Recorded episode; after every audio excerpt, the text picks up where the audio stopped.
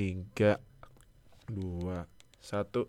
Balik lagi sama gue Fadil, host kalian di Zero Knowledge Podcast. Untuk hari ini, seperti biasa hari Jumat kita bakal review Hard Knocks yang kemarin rilis episode 4 yang katanya kalau gua nonton kan kita kan emang telat sehari ya karena ya akses buat link itu agak susah. Katanya ini uh, Hard Knocks episode 4 nih episode terbaik selama Hard Knocks tayang di HBO. Ah. Nah, nanti kita ya yeah, katanya ter, uh, yang terbaik ini. Nah, nanti kita bakal review tapi seperti biasa uh, gua kedatangan tamu dari fans Rams sendiri dari Noha. Halo. Halo Noha. Ya, apa kabar Noha? Ah. Gimana nih? Nih kita minggu depan nih kick off. Aduh. Ah, let's go. Wuh. Akhirnya ya. Akhirnya setelah tujuh bulan libur NFL akhirnya nonton lagi loh. Ah gila lega banget gue wah. Wah gila gila gila. Gue lega banget apa seneng banget sumpah. Makanya gue makin gak sabar minggu depan. Semoga musim ini tetap berjalan dengan lancar walaupun lagi pandemi gini tapi moga-moga ya bisa lancar sampai Super Bowl. Amin, amin, amin, amin. Nah, nah jadi kita uh, ini satu lagi kan basic kita sama Alvin, cuman Alvin katanya ada kendala teknis, jadi dia uh, hari ini nggak ikutan dulu, nggak apa-apa ya. Nah, uh, tapi sebelum gue mulai, nah ini kan hari ini Jumat, kan yang pas video giveaway kemarin kan gue bilang sampai Jumat jam 11.59 malam nanti. Nah, buat lo, nah buat lo yang belum submit komen cerita lu kenapa lu bisa nonton NFL langsung aja ke video di mana tuh? Oh di sini tuh, di situ. Nah, nah di situ. Nah, lu langsung ke video itu nanti setelah nonton. Jangan sekarang, setelah nonton. Ini nonton dulu baru bikin kom apa komennya. Nah, langsung ikutan giveaway. Kenapa? Nah, iya, yeah. bikin cerita yang bagus. Bikin cerita yang wow deh yang yang yang wah gila. Ternyata karena ini ya jadinya nonton NFL gitu. Nah yang yang bermakna gitu. Nah jadi kalau misalnya bagus ya siapa tahu lo menang ini. Makanya ini ditunggu nih. Nah jadi langsung nah kan no aja mau. Nah makanya jadi jangan lupa langsung ikutan uh, giveaway. Nanti Kamis depan kita bakal announce di IG sebelum sebelum kita buat review sama satu tamu yang spesial sih udah spesial. Aja karena ini, ini beda banget sih dari biasa. Udah tungguin aja. Nah kita tinggal tunggu dari tamunya aja. Kalau misalnya tamunya dat bisa ya udah. Sebelum sebelum buat review kita uh, umumin hadiahnya di Instagram jadi yaudah kalau gitu nggak pakai lama kita langsung mulai uh, ininya. Kita langsung mulai reviewnya. Nah ini ternyata kemarin kita dapat info itu ternyata kemarin episode ketiganya Hard Knocks yang minggu kemarin itu ternyata ratingnya terendah loh kalau misalnya dari ini dari beritanya ini katanya uh, Hard Knocks episode 3 itu ratingnya cuman 179 ribu viewers di HBO. Ini belum termasuk yang di HBO Max. Itu rekor terendah episode selama sejarah Hard Knocks. Kenapa ini ya? Ah. pandemi COVID-19 ini memang benar-benar nge-shutdown semua semua aktivitas. Jadi ya mau nggak mau produk tapi kan karena HBO sebuah produksi televisi itu tetap harus berjalan. Jadi mau nggak mau mereka tetap memproduksi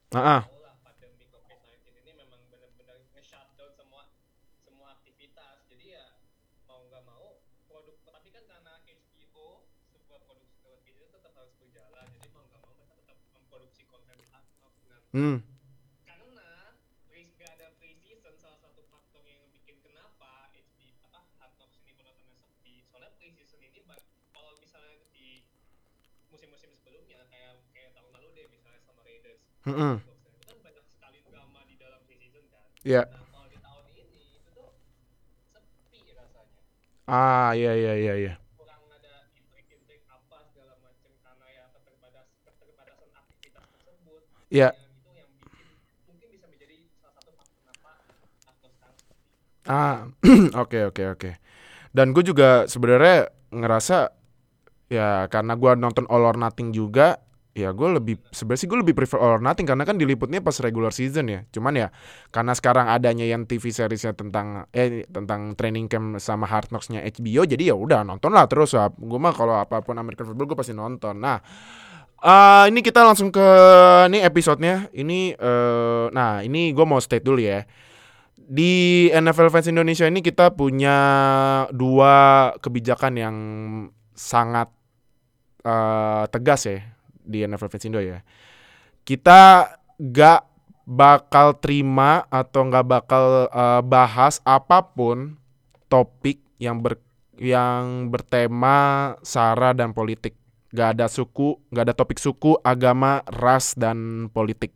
Karena kita komunitas yang benar-benar pure kerja. Eh sorry, yang benar-benar pure sorry, uh, yang benar-benar pure cinta sama American football. Jadi kita nggak pernah terima uh, topik atau apa pun yang berhubungan berhubungan dengan sara dan politik. Cuman memang di Amerika sana kan ya minggu kemarin itu ada ya kasus yang yang lagi-lagi mencenangkan loh walaupun lagi emang lagi uh, gerak apa lagi gerakan BLM ya pastilah lo tau lah BLM apaan. Yang karena itu pas itu NBA kan tiba-tiba langsung ngepospon ini kan uh, playoff kan? Nah ya Milwaukee terus semuanya ikutan dan berembet ke WNBA lalu tenis juga tenis juga sempat ditunda. Terus uh, iya MLB juga dan termasuk NFL. Nah, kalau NFL itu kemarin uh, akhirnya tim-tim kayaknya hampir semua tim ya. Hampir semua tim tidak melakukan um, training camp. Cuman kita nggak mau bahas itu karena lagi-lagi kita punya kebijakan itu. Nah, cuman kalau dari gua sih gua cuman bisa komen ya tetaplah dalam kebersatuan lah udah itu aja nggak ada apa-apa lagi kalau no gimana gimana uh, short comment aja kalau gua sih ya intinya sih ya jangan sampai kejadian itu berimbas kepada apa yang terjadi di lapangan gitu sih mm -hmm. oke okay. oke okay. nah uh, udah langsung aja kita ke ini ya ke topik selanjutnya ya nah ini topik selanjutnya ini nah kan di Chargers itu ad, kan pasti pada tahu WR-nya Keenan Allen kan, Keenan Allen, Keenan Allen dan Keenan Allen. Tapi ada satu WR keduanya yang uh, ini seharusnya jadi deep threat targetnya Chargers nih, Mike Williams. Yang tingginya 6 kaki 4 inci loh, itu berarti sekitaran 190-an senti ya. 195 ya. Nah, cuman pas lagi latihan drill lawan cornerback, dia cedera. Nah, itu gimana nih menurut lo? Apa kalau misalnya cedernya lumayan parah, gimana nih ntar? Uh, uh, ini uh, Chargers buat offense-nya nih. Kan kan cederanya kan. Cedera bahu. Nah, Nah, ini sorry gue potong dulu. Uh, Mike Williams bakal miss 2 sampai 4 minggu kemungkinan besar nggak main di opening week tuh. Gimana nih? Padahal kan udah, mas, udah main di stadion baru nih, Chargers. Nah, gimana menurut lo?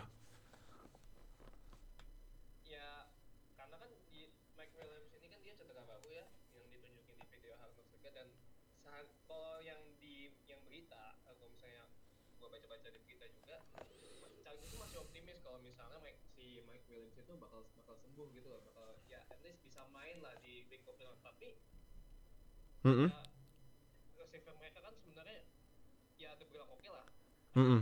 Allen, Mike Williams dan segala yang ada ada rookie KJ Hill yang dari second round mereka sebenarnya oke okay lah untuk untuk mengungkapin si Tyler Taylor buat jadi receiving corpsnya cuman karena Mike Williams cedera ini nanti yang bakal jadi target di end zone itu tuh bingung siapa kalau menurut gue ya mm -hmm.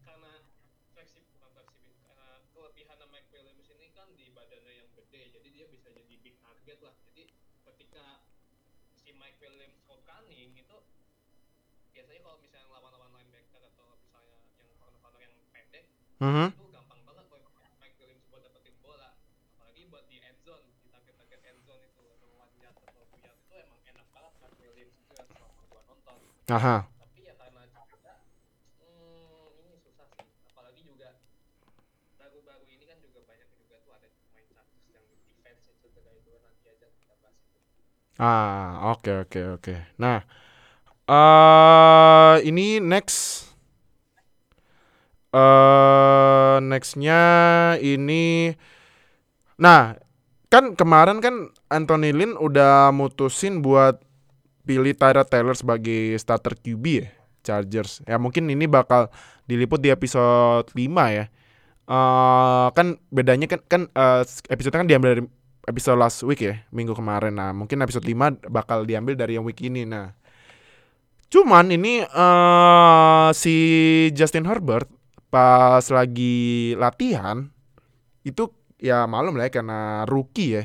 Kayak masih struggling atau gimana gitu. Cuman kalau menurut tuh walaupun Justin Herbert first round draft pick apakah eh harus apakah gimana ya? Eh, maksudnya apakah eh harus diminimalisir gitu error-errornya apa gimana gitu eh, mengingat di first round draft pick ah, dan mungkin jadi franchise QB Chargers ke depannya gitu. Ya, well itu depends ke timnya kebutuhan timnya itu sendiri sih Hmm. soalnya kan kalau misalnya kita lihat sejarah beberapa tahun belakang yang drafting quarterback di round di first round kata-kata sih mereka nggak mainin dulu ya kata-kata mereka pasti mereka ya ma- at least mainnya kalau nggak di week keberapa week keberapa atau mungkin bisa kayak ada Patrick Mahomes yang baru musim musim baru game week terakhir baru dimainin gitu itu ya sebenarnya itu ada adalah time mereka untuk learning di NFL Hmm. belajar bagaimana sih how to adapt di NFL untuk beradaptasi dengan skema offense-nya ya karena NFL beda sama college itu Ya. benar-benar NFL itu beda sama college skimnya beda yang lawan yang lawan juga udah orang-orang udah ya senior dan udah capability yang beda dengan college Ya. yang mungkin yang benar-benar yang ditargetin menjadi first time start apa first time starter langsung ya mungkin Joe Burrow salah satunya cuma satu-satunya aja gue quarterback yang dijadiin langsung starter. Karena ya kalau mau dibandingin secara head to head tuh apa Herbert sama Joe Burrow jelas lebih unggul Joe secara set skill dan segala macam. Dan mindsetnya itu jauh lebih unggul Joe Burrow. Ka- tapi karena Herbert nih skill setnya oke kalau menurut bilang.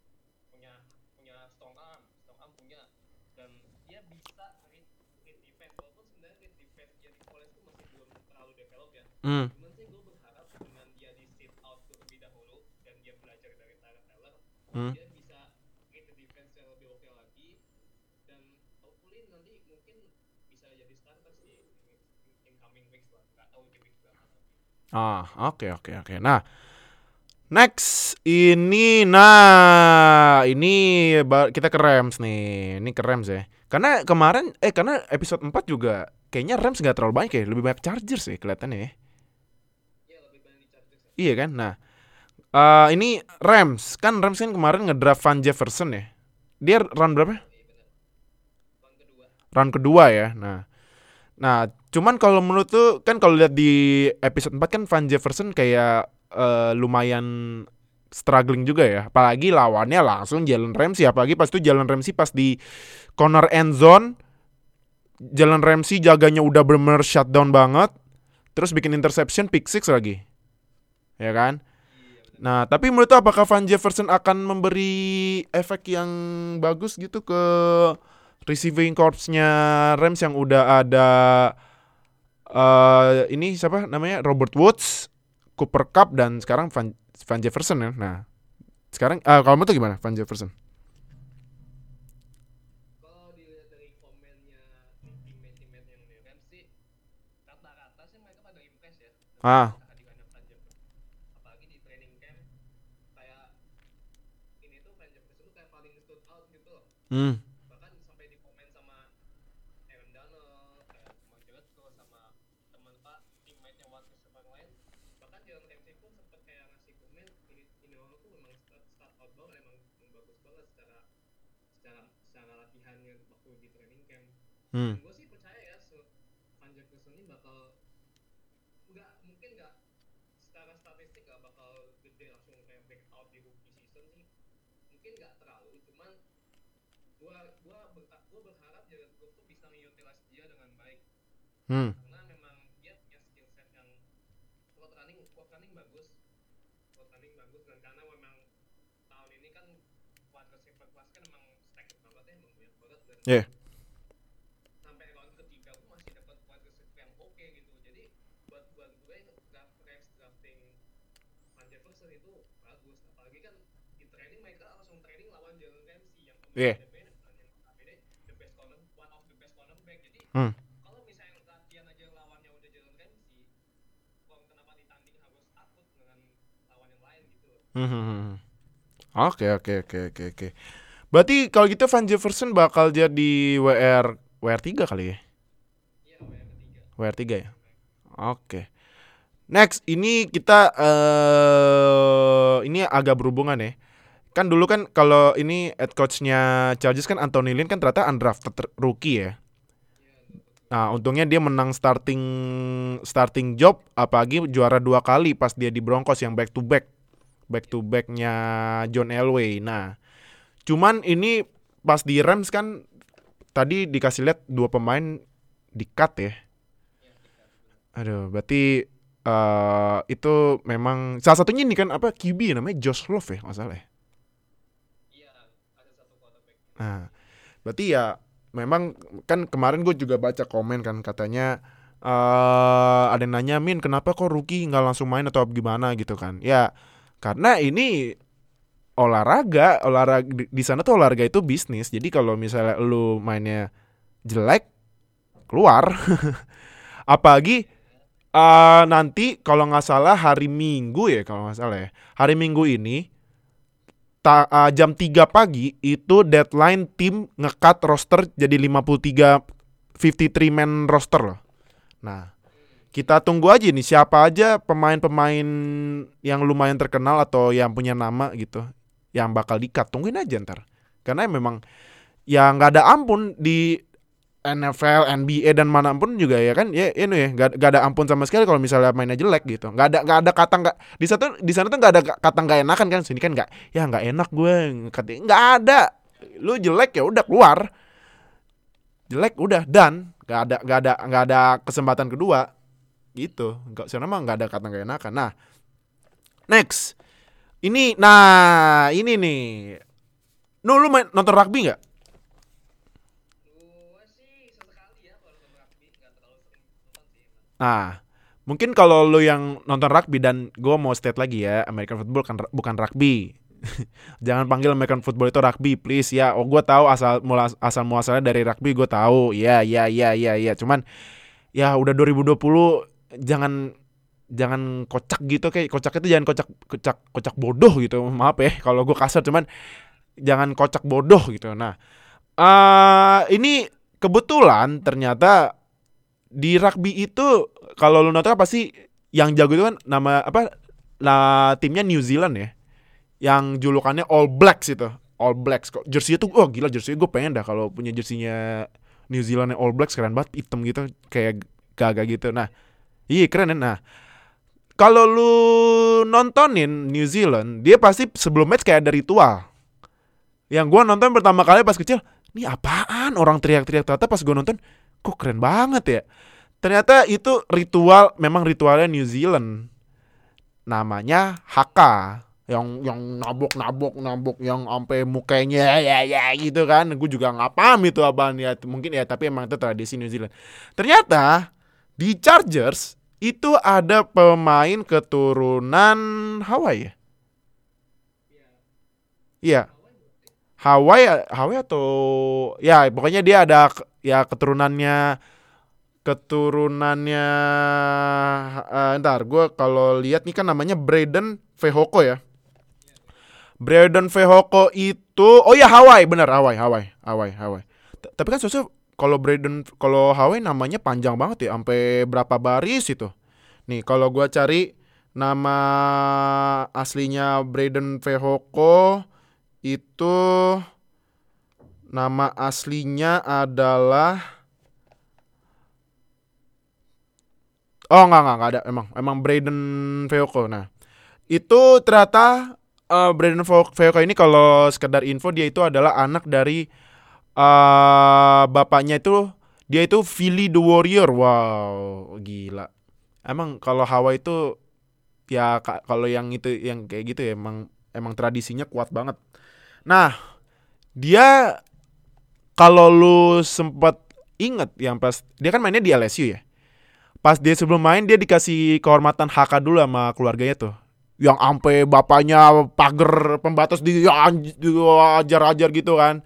Ya memang wajar lah karena fire up lah HK lagi apa lagi. Nah, ternyata dia disuruh HK di training camp dan temen-temennya pada, woi gila seru juga, seru juga, seru juga nih. Nah, cuman kalau menurut lu, no, eh menurut lu selain HK pre-game ritual apa yang memorable? Semua sport deh. Kalau gua kan pastinya kalau pre-game eh eh, ritual kalau di NFL ya pastinya kan kayak prep talk, pastinya kan prep talk yang paling keren kan Drew Brees ya. Drew Brees itu udah prep talknya udah paling keren banget kan. Kalau di olah- olahraga lain pastinya LeBron James lah yang, yang chalk talk gitu loh. Chalk, chalk, chalk ini chalk, chalk throw, chalk throw. Chalk throw kan. Kalau lu apa? Eh pre-game ritual yang eh ini yang memorable. Ini di luar NFL atau di? Boleh luar NFL, boleh di NFL. Kalau di NFL sih ya mentok-mentok gue karena gue memang nontonnya belum terlalu lama ya, jadi masih ya cukup baru nonton NFL-nya, jadi belum terlalu banyak yang memorable. Cuma kalau di sport lain, Hmm. gue ada satu sih di NBA, game yang mungkin gak semua orang enggak, tapi gue suka. Itu Dwayne Wade. Ah, Dwayne Wade kalau misalnya kadang kalau dia play game tuh ini kayak grab ini loh, grabbing grabbing the bucket gitu naik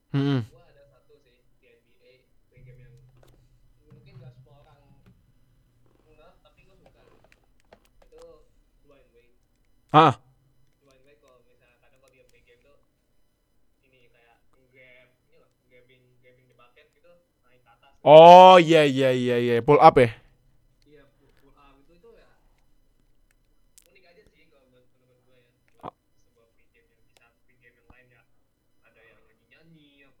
pada tahu semuanya kan. Iya.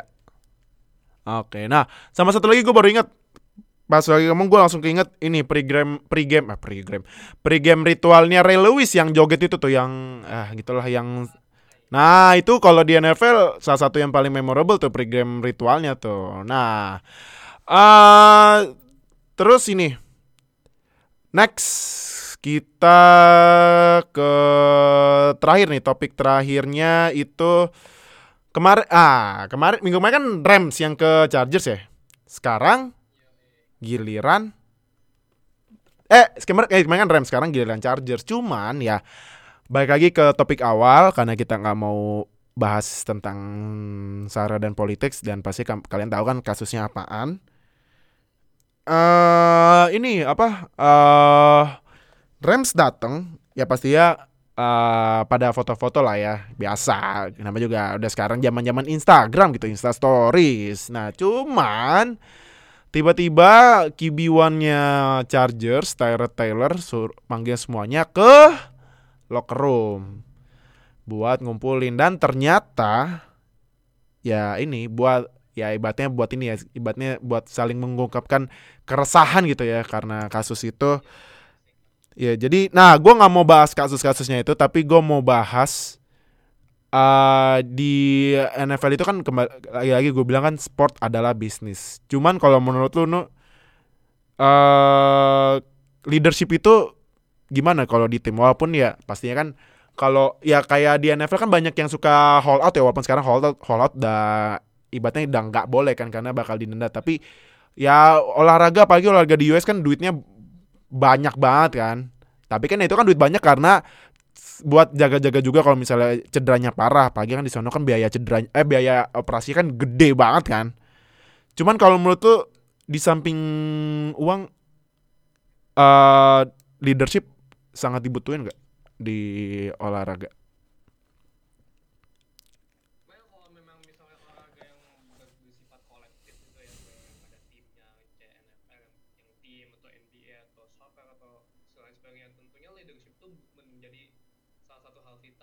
ya Mhm. yang nggak ada leadership atau nggak ada orang yang bisa ngelit temen-temennya arah timnya itu nggak bakalan jelas mau dia mau seperti apa Hmm. dia mau menang pun enggak kalah pun enggak itu kan nggak jelas gitu mau ke mana dan memang leadership itu benar-benar diperlukan Iya. kan tuh kalau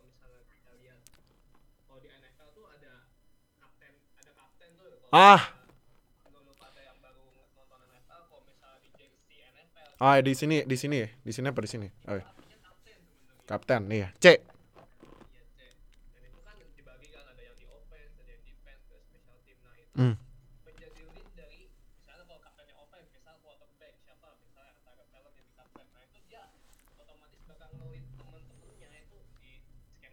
itu Iya. ya memang karena front office tuh percaya dengan time misalnya Tyler Taylor itu menjadi untuk memimpin temen-temen. dan itu memang benar-benar diperlukan namanya sebuah leadership kalau bisa ini yang udah gue bilang kalau misalnya nggak ada leadership timnya nggak akan ke mana-mana Hmm. Kalau menurut gua eh kapten itu pastinya gini ya. Kalau menurut gua ya. Misal nih, misal ada pemain yang disuruh jadi kapten, tapi di tim itu ada juga pemain jago. Kalau pemain jago kan udah otomatis egonya tinggi kan. Udah otomatis itu. Otomatis 100% gak, gak ada 99% lagi 100% pasti egonya tinggi. Cuman gimana tim ini ngadepin kalau misalnya lagi down gitu. Nah, karena kan pastinya ya pemain-pemain maunya kan all I do is win win win no matter what kan. Iya kan? Cuman gimana dong kalau misalnya kalah? Kalau kalah ntar main, pasti mainnya apa? Blaming game. Lu salah ini, lu salah itu, lu salah ini, salah itu. Nah, nyalain orang.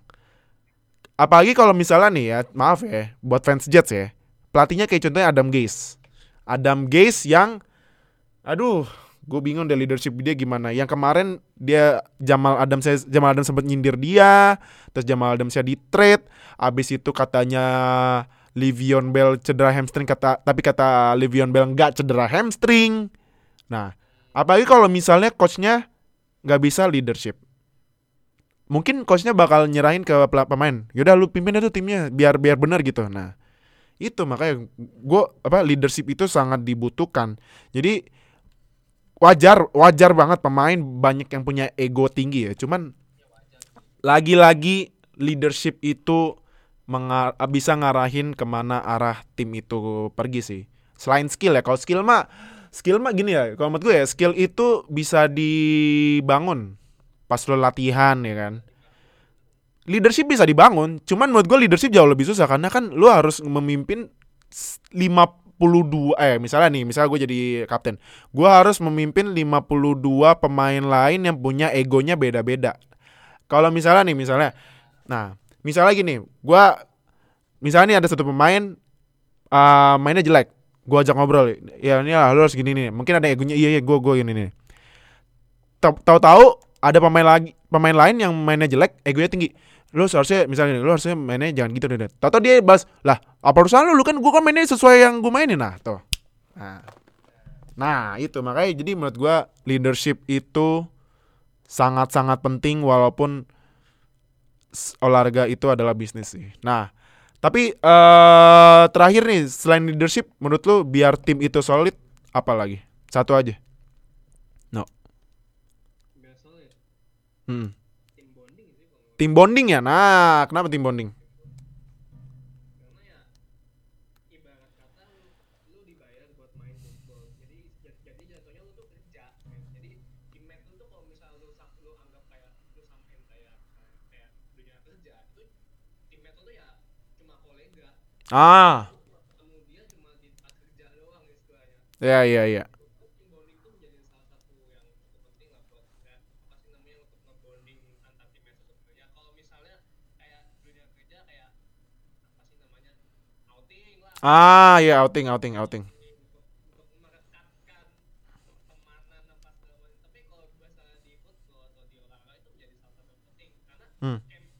bonding itu akan membangun namanya chemistry. Ah, ya. Setuju setuju. Chemistry ya. Hmm.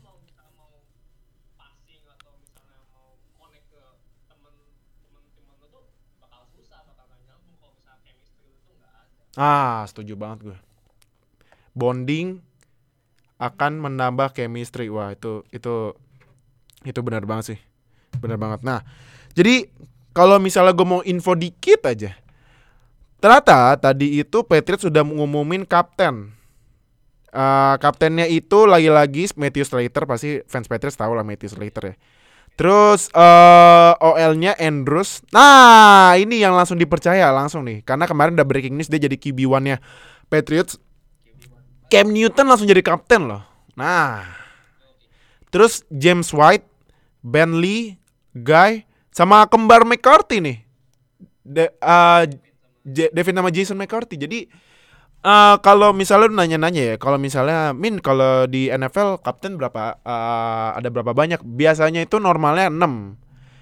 Uh, mungkin pembagiannya tiga offense, dua defense, atau special team atau dua dua dua atau satu offense uh, ya ya terserah sih terserah NFL. Cuman kadang-kadang ada juga yang lebih banyak atau yang lebih dikit. Itu sih sebenarnya nggak ada peraturan peraturan yang mengikat ya buat kapten Nah, yang penting uh, terserah timnya mau berapa karena tahun kemarin itu ada ada tim yang cuma tiga kaptennya ada, yang tim ada yang kayak kayak gue kemarin Steelers itu uh, tim kaptennya ada lima bisa. Nah, uh, apalagi kalau gue baca ya Ravens, Bears sama satu lagi ada satu lagi tim pokoknya tiga tim gue baca. Itu kaptennya nggak ditetapin dari minggu pertama maksudnya nggak ditetapin satu tahun eh satu musim kapten. Kapten itu diganti-ganti per minggu. Nah di rolling. Nah jadi semuanya itu lagi-lagi kebijakan dari timnya gitu. Jadi iya jadi itu kalau misalnya kalian nanya tentang kapten dan sama satu lagi gue baru ingat uh, sedikit ya di NFL kan ada kan logo C-nya itu ada bintang ya nah Bintang itu adalah tahun keberapa dia jadi kapten. Kalau misalnya bintangnya satu berarti tahun pertama. Kalau bintangnya dua tahun kedua dan seterusnya. Tapi misalnya nih, misalnya nih udah empat nih, udah empat full. Nah, misalnya dia jadi kapten di tahun kelima, nanti dia itu uh, tulisan C-nya sama bintangnya bakal jadi emas. Jadi emas gitu. Kalau misalnya udah empat tahun lebih itu bakal jadi emas logo kaptennya. Udah sih gitu doang. Kalau penjelasan kapten. Jadi udah itu uh, review buat Hard Knocks episode 4 tapi uh, sebelum kita akhirin nu berapa nilainya nu? Karena banyak yang bilang nih salah satu yang terbaik tapi kalau menurut lu berapa nilainya?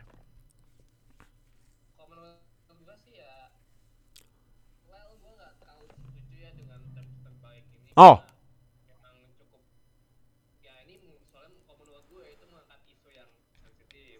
jadi ya akan give much more. Iya.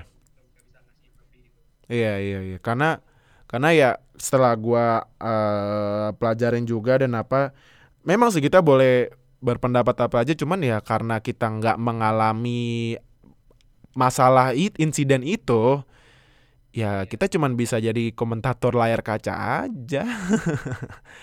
Yang mau yang melakukan perubahannya ya yang di sana. Jadi ya mungkin kita bisa kasih ya support lah support apa pun gitu lah ya. Nah mungkin ya mungkin kalau dari kita buat ngasih support itu ya ya mensupport tim jagoan kita gitu. Udah sih itu doang sih kalau gua ya. Nah beli merch gitu. Jangan lupa ke Zero Factor S kalian. Marketing. karena karena uh, ya sekarang uh, sideline gearnya udah keluar gitu kan. Jadi apalagi nah masker tuh masker tuh. Masker udah wajib. Nah jangan lupa tuh pada beli masker NFL lah gitu. Jadi udah sih itu doang. Buat review Hard Knocks episode 4 hari ini thank you banget udah nonton di YouTube. Thank you banget udah dengerin di Spotify. Thank you banget Nuha udah datang Thank you banget. Uh, jadi jangan lupa subscribe, klik lonceng sambil subscribe biar kita upload langsung dapat notifikasi. Terus langsung nonton biar langsung up to date sama NFL di Indonesia. Dan jangan lupa di bawahnya Nuha tadi Nuha udah nunjuk-nunjukin itu udah ada tiga sosial media kita. Ada di Instagram Line Open Chat. Kalau kalian pakai Line sama Twitter langsung join semuanya. Kalau kalian belum punya Line langsung bikin karena nanti di regular season mulai minggu depan pastinya gue jamin 24 jam gak bakal habis itu obrolan. Capek lu ngikutinnya tapi karena nggak ab- karena nggak habis obrolannya jadi makin rame dong. Siapa tahu lu yang ny- lagi nyari temen nonton NFL di Indonesia nah ada kita. Jadi join aja. Jadi yo iya jadi yaudah kalau gitu jangan lupa gue tunggu giveaway-nya sampai jam 11.59 malam nanti besok bakal gua apa gue pilih-pilih cerita mana yang paling menarik kalau misalnya ternyata lu ceritanya yang ter ter ter ter, ter menarik ya udah lu menang ini glove-nya gitu. Jadi thank you banget udah nonton, thank you banget udah dengerin. See you di episode selanjutnya ya. Dah. And cut, sip. Oke, ntar